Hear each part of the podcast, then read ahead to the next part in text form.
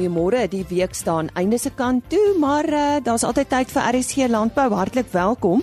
Op vandag se program gesels ons met die LWO werkgewersorganisasie oor wysigings in die arbeidswetgewing. Ons vind uit wie is Hortfin. Ons praat met 'n PhD student wat spellekussings uitvoere hopelik gaan laat blom na haar navorsing. En uh, soos altyd staan Chris Derksen gereed met sy nuutste vleispryse. Arbeidswetgewing is ingewikkeld en omvattend en werkgewers moet deurlopend op hoogte bly van aanpassings of wysigings in die verband. Nou ons uh, gereelde gas Christo Bester van die LWO werkgewersorganisasie gesels nou onder andere met ons oor onlangse wysigings waarvan werkgewers bewus moet wees. Nou Christo, daar's uh, onlangs blykbaar aanpassings in die arbeidswet gemaak wat verlof betref. Brei 'n bietjie hieroor uit, goeiemôre. Goeiemôre Lisa, baie dankie weer eens vir die geleentheid. Dat die staatspresident het in Desember natuurlik die wysigings in die wet op basiese diensvoorwaardes goedgekeur. En daar word dan 'n voorsiening gemaak vir drie nuwe tipes verlof die eerste die eerste tipe verlof wat jy kry is dan nou die ouerlike verlof. Nou dit gaan gepaard waar 'n vader dan natuurlik nou 10 aaneenlopende dae verlof kan vat met die geboorte van sy kind. Ehm um, wat egter moet weet is dat hierdie verlof is onbetaald en wanneer ehm um, 'n werknemer dan voordele wil eis rondom die betaling daarvan gaan daai voordeel by die werkloosheidsversekeringsfonds geëis word. Dan die tweede tipe verlof wat bygekom het, is aannemingsverlof. Aannemingsverlof gaan waar daar 'n aanneem ouer is of die paartjie wat 'n kind dan aanneem.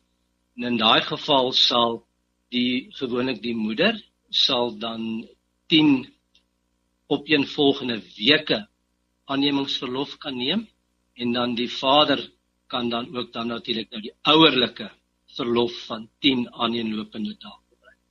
Al hierdie verlof is natuurlik onbetaald en moet by die werkloosheidsversekeringsfonds geëis word. Dan die derde ene, derde tipe verlof wat hulle ingebring het, is opdraggewende ouerlike verlof. Dit is waar daar 'n 'n derde party natuurlik nou die die geboorte vir die mense hanteer en dit is gewoonlik met 'n surrogaat moederskap ooreenkoms en daar geld dieselfde as ouerlike en natuurlik aanneem verlof. Beteken dit dat alle dienskontrakte nou aangepas moet word? Lisa, ja, um, dit is baie interessant dat enige voordeel wat 'n werknemer kry wat in wetgewing vervat word, natuurlik afdwingbaar is, ongeag daarvan of hy in 'n dienskontrak ehm um, vervat word. Nou die werknemers raak baie keer ongelukkig as jy sy dienskontrak wil oordoen en dan wil hulle normaalweg dit nie aanvaar. My voorstel sal wees is los die dienskontrak soos wat hy is en voeg net 'n addendum by wat voorsiening dan nou maak vir hierdie tipe verlof of jy wat jy ook werkgewers ook kan doen is hulle kan hulle verlofbeleid net aanpas en dit onder die aandag van werknemers bring. Nou terwyl ons nou op dienskontrakte fokus, wat is die moets en die moenies in hierdie verband? So werkgewers moet besef dat enige voordeel of term van 'n dienskontrak nie eensaidig verander kan word nie. So daar moet altyd 'n konsultasie plaasvind met 'n werknemer sou jy enige terme en voorwaardes van die dienskontrak wil verander. In, in, in hierdie geval waar daar na addisionele verlof gegee word, nuwe tipe verlof, ehm um, behoort 'n werknemer natuurlik nie ehm um, ongelukkig te wees daaroor nie en dit gaan natuurlik ook nie 'n een eensidedige verandering wees nie, want hierdie veranderings word afgedwing deur wetgewing. Die departement van arbeid doen deurlopend inspeksies. Uh wat behels dit, uh, Christo? Wanneer die departement van arbeid jou kom besoek, kan daar een van drie afdelings van die departement wees. Een afdeling gaan spesifiek oor die wet op basiese diensvoorwaardes. So hulle kyk gewoonlik na het jy 'n dienskontrak in plek? Is daar salarisstrokies? Betaal jy die voorgeskrewe nasionale minimumloon vir die industrie waarin die werknemer is? Is daar 'n aantekenregister om te kan kyk hoeveel ure die werknemer werk? Is daar oortyd betrokke wat dalk betaal moet word? Die tweede afdeling wat jy kry by die departement is natuurlik die wet op beroepsgesondheid en veiligheid en dan ook die derde een is die wet op billike werksgeleenthede. Hulle kyk nou natuurlik na een na ander aspekte as dienskontrak. So wat moet 'n werkgewer nou in plek hê vir so 'n arbeidsaudit? Wanneer jy met val met die die afdeling van die wet op basiese diensvoorwaardes moet jy 'n dienskontrak in plek hê. Jy moet 'n aantekenregister hê. Jy moet 'n salarisstrokie in plek hê om wat voldoen natuurlik aan die vereistes van die basiese minimumloon. Dit moet ook dan die werknemer se besonderhede vat, die werkgewer se besonderhede en dan ook die ure wat hy werk. Um, en dit is die die, die meeste waarna die departement van arbeid dan kyk. Ja, sê baie dankie aan Christo Bester. Hy is van die LWO werkgewersorganisasie en hy het met ons gesels oor uh, hier en daar veranderings in die arbeidswetgewing. Soos beloof staan Chris Derksen gereed met die nuutste vleispryse vanaf veilinge in die Noord-Vrystaat. En uh, ja, die datum van daardie veilinge was Dinsdag 2 April. Chris Goeiemôre. Dit is belangrik om te weet ons het dan taamlik reën gehad so in ons omgewing so die diere sal deur die winter kan kom sonder te groot skade. Dit is altyd die goedkoopste tyd van die jaar, maar die mark bly stabiel en ons kan nie eintlik sien dat die mark verder sal daal nie. Ek sou raai hy sal hier vanaand seker sistematies styg. Geef vir julle presiese pryse. Speenkalvers onder 200 kg het gegaan vir R31.35 per kilogram van 200 tot 250 kg R28.89 en oor 250 kg R27.11 per kilogram. A klasse R23.61, B klasse R19.51, C klasse vetkoeie R18.51 en markkoeie het gewissel van R15.02 na R17.10. Maar ons moet onthou dat hierdie R15 reflekteer 'n besonderse swak groepie beeste. Dan slagbulle R20.31 per kilogram lewendig. Van 'n skaapmark, lammers R36.58 vir stoorlam en R30.77 vir slaglammers. Maaroeie R24 presies en vetoeie R25.01. Vanaf die bokmark wat soos altyd baie stabiel bly, lammers R35.11 en ooe R26.07 per kilogram. En soos altyd, indien ons van enige verdere hulp kan wees, skakel maar enige tyd na 08280 75961. Baie dankie. Ons sê soos altyd baie dankie aan Chris Derksen en hulle webtuiste is www.vleisprys.co.za. En nou eers landbou nuus. Die Agri Expo kwaliteit toekenningsdiner is op 29 Maart by die Grand West in Kaapstad gehou. Nou tydens hierdie toekenningsdiner word die suiwelproduk van die jaar aangewys.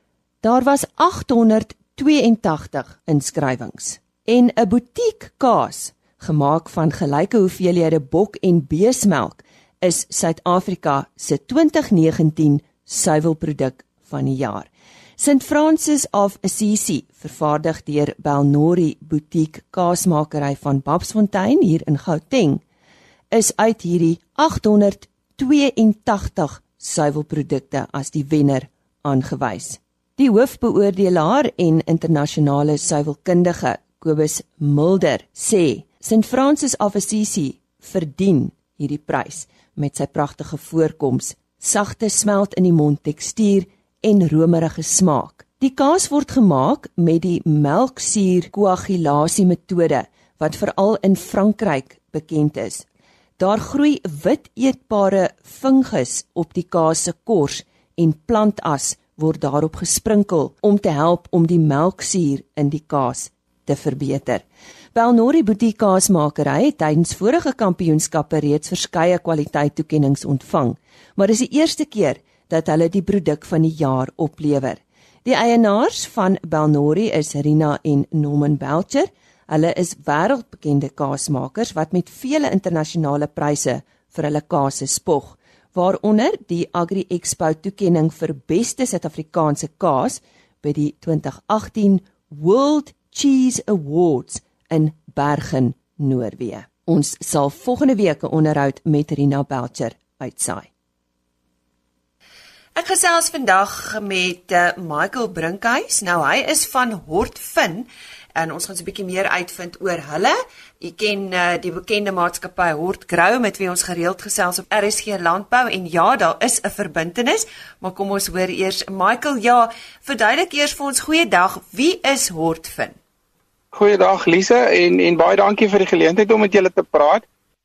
Ehm um, Hortfin ehm um, is 'n unieke um, ek is jammer nou vir Engels ring fence fonds wat gestig is deur 'n paar vennote uh, met die doelstelling om spesifiek finansiering te bied of finansiering beter te bied aan agripreneurs uh wat hulle dan sal in staat stel om hulle besighede te groei tot die volgende vlak en dan uiteindelik hopelik tot volwaardige kommersiële entiteite. En wie is hierdie vennote waarvan jy praat? Ek kan amper die vennote in in twee kategorieë verdeel. As ek ehm um, dit doen dan wil ek graag ehm um, melding maak van die vennote wat finansiële bydraers is. Nou daai vennote is die Landbank, die Jobs Fund wat 'n program is binne die nasionale tesourie en dan die bedryfsliggame wat die sagte vrugte ehm um, kern en steenvrugte en die wyn en tafeldryf uh, bedryfsliggame verteenwoordig. Hulle is die finansiële bydraers tot hierdie fonds. Maar dan het ons ook ander vennote wat ehm um, sal ek sê ehm uh, vested interest het in in ontwikkeling en ontwikkelende landbou en dit is soos onder andere die departement van landbou ehm um, wat nie finansiëel bydra nie maar wat byvoorbeeld platforms waarop Hortvind kan dien beskikbaar stel ehm um, sodat ons daarbey ook 'n bietjie uh, verder die uh, industrie kan penetreer. Vertel ons meer van die benadering wat jy volg. Ehm um, die bedryf speel 'n baie integrale rol in hierdie hele program van Hortfin. Ehm um, en die bedryfsverteenwoordigers identifiseer binne hulle bedryfsvertakkings ehm um, hierdie besighede of entiteite wat reg is dan nou om die volgende stap te doen in in terme van die besigheid se groei en hierdie entiteite nadat hulle geïdentifiseer is word dan nou aangewys of aangeraai om na Hortfin aansoek te doen en ehm um, sodra hy daai aansoeke dan nou by Hortfin beland word dit dan nou verder in die proses geëvalueer. Ja, so aan watter kriteria moet 'n aansoeker voldoen? Op hierdie stadium is die aansoekkriteria dit moet 'n 51% bemagtigings uh, entiteit wees. Die besigheid moet in 'n entiteit geregistreer wees, met ander woorde 'n maatskappy, 'n trust of 'n koöperasie. Dan is 'n belangrike komponent in kriteria die vermoë om volhoubare werke te skep met die lening wat aangegaan word. Baie belangrik natuurlik ook is die lening moet terugbetaalbaar wees deur hierdie besigheid, so die besigheid moet in 'n in 'n vermoë wees om hierdie lening te kan terugbetaal. En dan nog 'n kriteria is op hierdie stadium is dit beperk tot die sagte vrugte bedryf soos ek genoem het die kern en steenvrugte wyn tafeldryf uh, waardeketting. Nou goed, uh, julle het nou 'n aansoek ontvang. Uh verduidelik vir ons dan die proses. Hoe werk dit daarna? Byvoorbeeld hoe lank neem dit ensovoorts?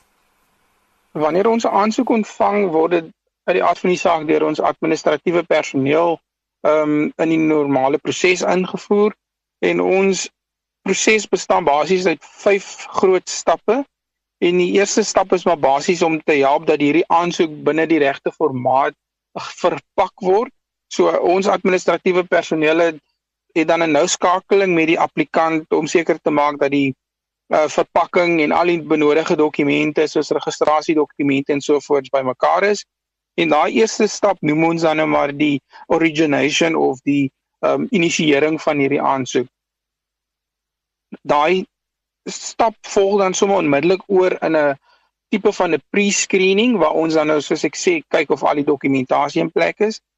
Die volgende groot stap waarna dit dan beweeg is die opstel van 'n um volwaardige besigheidsplan En binne Hortfin het ons dan ook 'n proses waar ons met ehm um, ekspertise en en kundigheid 'n due diligence proses volg waar ons dan nou kyk na die volhoubaarheid en ook finansiële projeksies en so voort van die projek.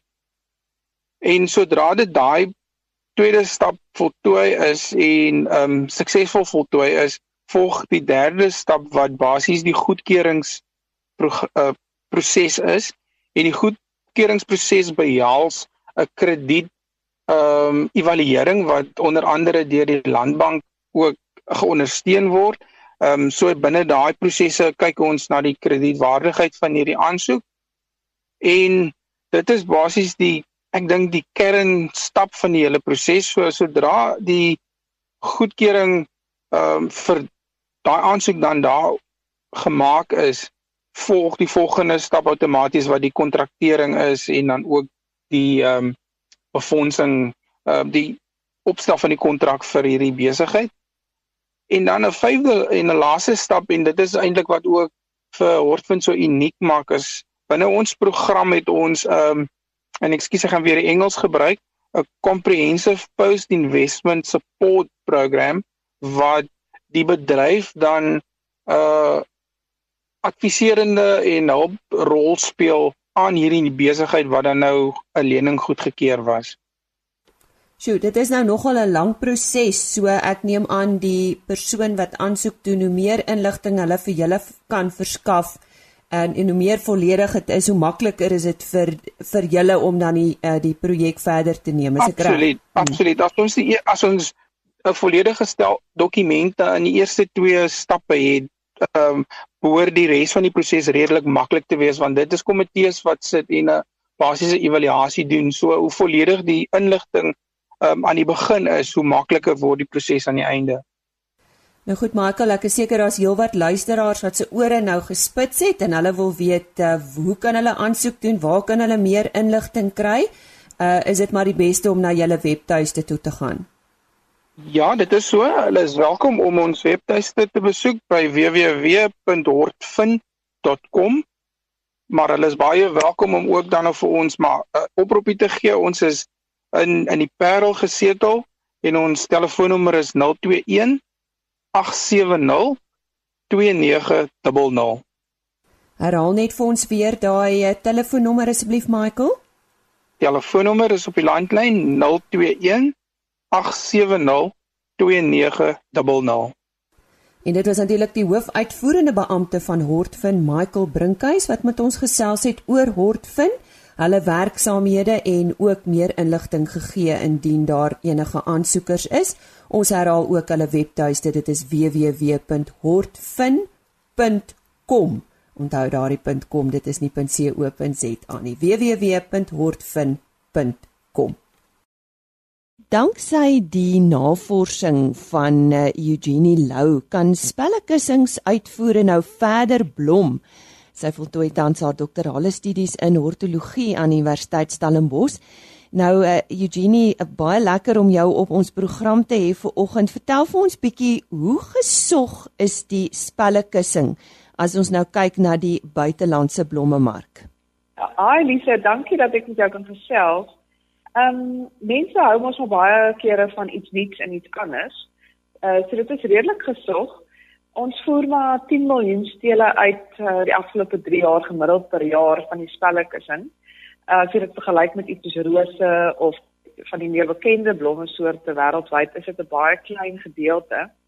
Ehm uh, maar dit groei ook al hoe meer en ek dink ook dat dit dit word op soveel plekke geproduseer en ook in Amerika en mense kan amper heel jaar nou die produk bekom wat natuurlik help um, om bewustheid daarvan kweek by mense en en veral bloemiste en um, buiteland veral by troues raak veral ons Protea fynborsprodukte baie gewild.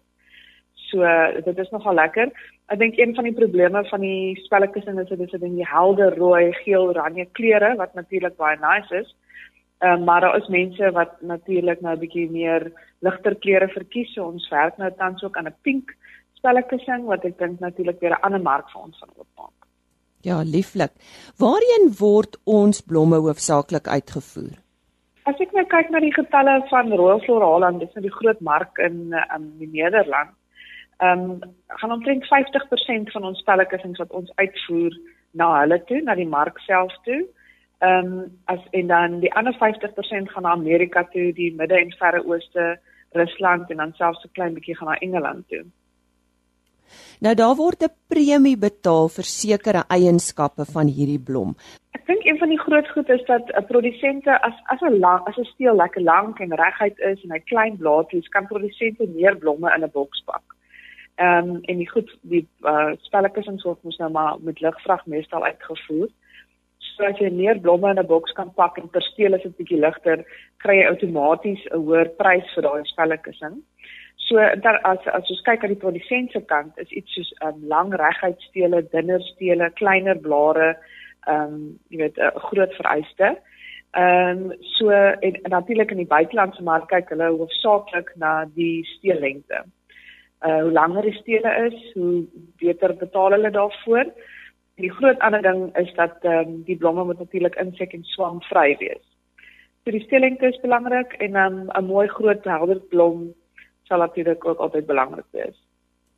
Nou dis nou hier waar jou navorsing inkom, maar voor ons daaroor gesels, waar in Suid-Afrika word spellekussings oral aangeplant? Ja, tradisioneel is, is spellekussings maar altyd in die half mediterrane klimaat aangeplant, Kaapstellenbosch, Parel en dit het 'n uh, bietjie uitgebrei nou na warmer dele, Hopefield, uh, Ken Williams Citrusdal, daar word nogal groot aanplantings bo op Ketberg gemaak. En dan ook interessant is daar nou baie groot aanplantings in KwaZulu-Natal, naby Hilton en Eshowe. Die blomme is uh, word vroeër geoes by hulle, so hulle kom 'n bietjie na 'n ander tyd in die mark. Um, so dit is ook vir hulle baie ideaal en dan kom die Kaap later in. So uh, amper is nog die landbouit nie en dan ook 'n gedeelte, daar's nogal heelwat plase ook na Suid-Kaap se kant toe, so ver as Karedo. Ja, so vertel ons nou 'n bietjie van jou navorsing. Ja, so die eerste ding wat ek na gekyk het was om presies uit te of om te verstaan presies hoe die spellekussing groei. So wanneer maak hy sy blare en dan verleng hy net of terwyl hy groei maak hy nog blare. Jy kan verstaan hoe hy groei want as jy verstaan hoe die plant groei, dan kan jy hom nou begin manipuleer. En en niemand het nog daai navorsing gedoen nie uh, ons verstaan hoe groei 'n protea byvoorbeeld, maar nog selfs iets soos 'n tolbos dilipidendron weet ons ook nog nie eintlik nie. So dit was die eerste ding om om mooi te verstaan hoe die spelletjies groei. En toe het ek nou begin om die om op daar was navorsing in die 80's gedoen wat hulle plantgroei reguleerders gespuit het en ek het basies aangegaan van daai navorsing af om te kyk kan 'n mens met plantgroei reguleerders langer stele kry Ehm um, en veral by produsente wat in warm areas is waar die plant nie so vinnig groei nie en ook laat kultivars wat laat geoes word in die seisoen en dan 'n korter uh, groeiperiode het voor hulle weer uh, blom. En ehm um, dit ek 'n uh, kombinasie van verskillende groeireguleerders gespuit, uh hoofsaaklik gibberellinsuur en dan 'n uh, benzoadenine en uh, baie suksesvol kon ek die stele langer kry uh die blomkwaliteit was nog dieselfde en die stele het ook mooi in die vorme blare gehad op die stele. Dit was een van die probleme van die vorige navorsing is dat die blare op die stele daar's gedeeltes wat kleiner blaartjies maak en dan lyk die steel nie reg nie. Maar met die byvoeging van die sitokinien kon ons dit regkry. En toe was daar groot verrassing eintlik ons begin te besef die hele plant se groei argitektuur amper is is heeltemal anders as 'n kontroleplant byvoorbeeld. So dan ehm um, die ek dink die groot ding die kommersiële impak van die studie is dat um, as jy op die regte tyd toedien wat natuurlik baie belangrik is en ook nie te veel te doen nie, daar's dis ons maar enigiets as jy te veel toedien kan jy skade kry en as jy te min toedien gaan jy nie die regte reaksie kry nie. Uh en dan die, die tydsberekening is ook baie belangrik. So jy moet dit spuit baie vroeg as die steeltjie nog baie kort is en hy nog besig is um, om blare te maak voor hy net begin verleng.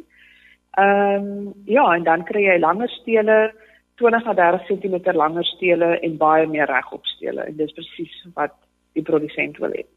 Ja, so sê wat wat sê die bedryf toe nou hieroor? Hulle is seker baie opgewonde. Ja, ek dink initieel doen jy die navorsing en dit is dit is baie ehm um, dit is baie prakties nie. Dit is dis meer uh botanie tipe ding van hoe groei die plant en dan dink die produsent maar hoe hoe gaan dit nou vir hulle help? totdat jy by die spuite kom en daar's 'n resep en en daar's iets wat hulle kan volg wat dit maklik maak vir hulle. Ehm um, so daar's nou baie produsente wat al dit gespuit het van hulle in KwaZulu-Natal. Ehm um, die plaas waar ek werk spuit dit kommersieel en ja, as jy die resultate sien dan die ouens is verskriklik opgewonde en ek kry goeie terugvoer en ehm um, na my kennisoordraging by Cape Flora South Africa het hulle ook meer navrae gekom oor die produk en en hoe dit werk en die spuite en tydsberekening. So dit is dis baie lekker. Dit is ehm um, lekker om navorsing te gedoen het en te weet jy dit kan 'n bydrae lewer in die in die praktyk. Nou ek het vroeër genoem uh, Eugenie Lou is tans besig met haar doktorale studies by Universiteit van Stellenbosch, maar jy is werksaam elders. Waar bevind jy jouself tans? Jy het so vinnig na die plaas oor die plaas gepraat. So waar is dit, eh, yes. Eugenie? Ja. So ek is tegniese bestuurder by Armelia Farms. Ons is um, net so buite Hopefield in die Weskus. En ehm um, tegniese bestuurder beteken mos eintlik vir my veel nie die titel nie, maar groot kwekery, ons het 'n snyblom afdeling en ek is oor albei afdelings aangestel waar Ek uh, kyk na die voeding van die plante, ek help met die besproeiing, ehm um, al die spuitprogramme, die chemiese programme en dan doen ek op die plaas self klompproewe en navorsing en dan obviously nou nog my my PhD saam met dit. En wanneer uh, beoog jy om hierdie PhD van jou te voltooi? Uh ons gaan iewers hierdie jaar sal ons dit klaar maak. Ons is nou in die laaste stukke van opskryf en uh, dan sal ek uh, by die Desember grade plegtigheid hierdie jaar my graad kry. Nou ja, ons sê uh, by voorbaat baie geluk. En uh, as produsente nou luister en hulle wil meer weet oor jou navorsing, wat stel jy voor Eugenie?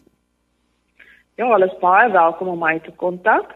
Ehm um, ek verkies my e-pos, dan kan 'n mens nou uh baie beter die die inligting vir hulle deurgee. Ehm um, sal ek my e-posadres sommer nou vir jou gee? Asseblief, maak so.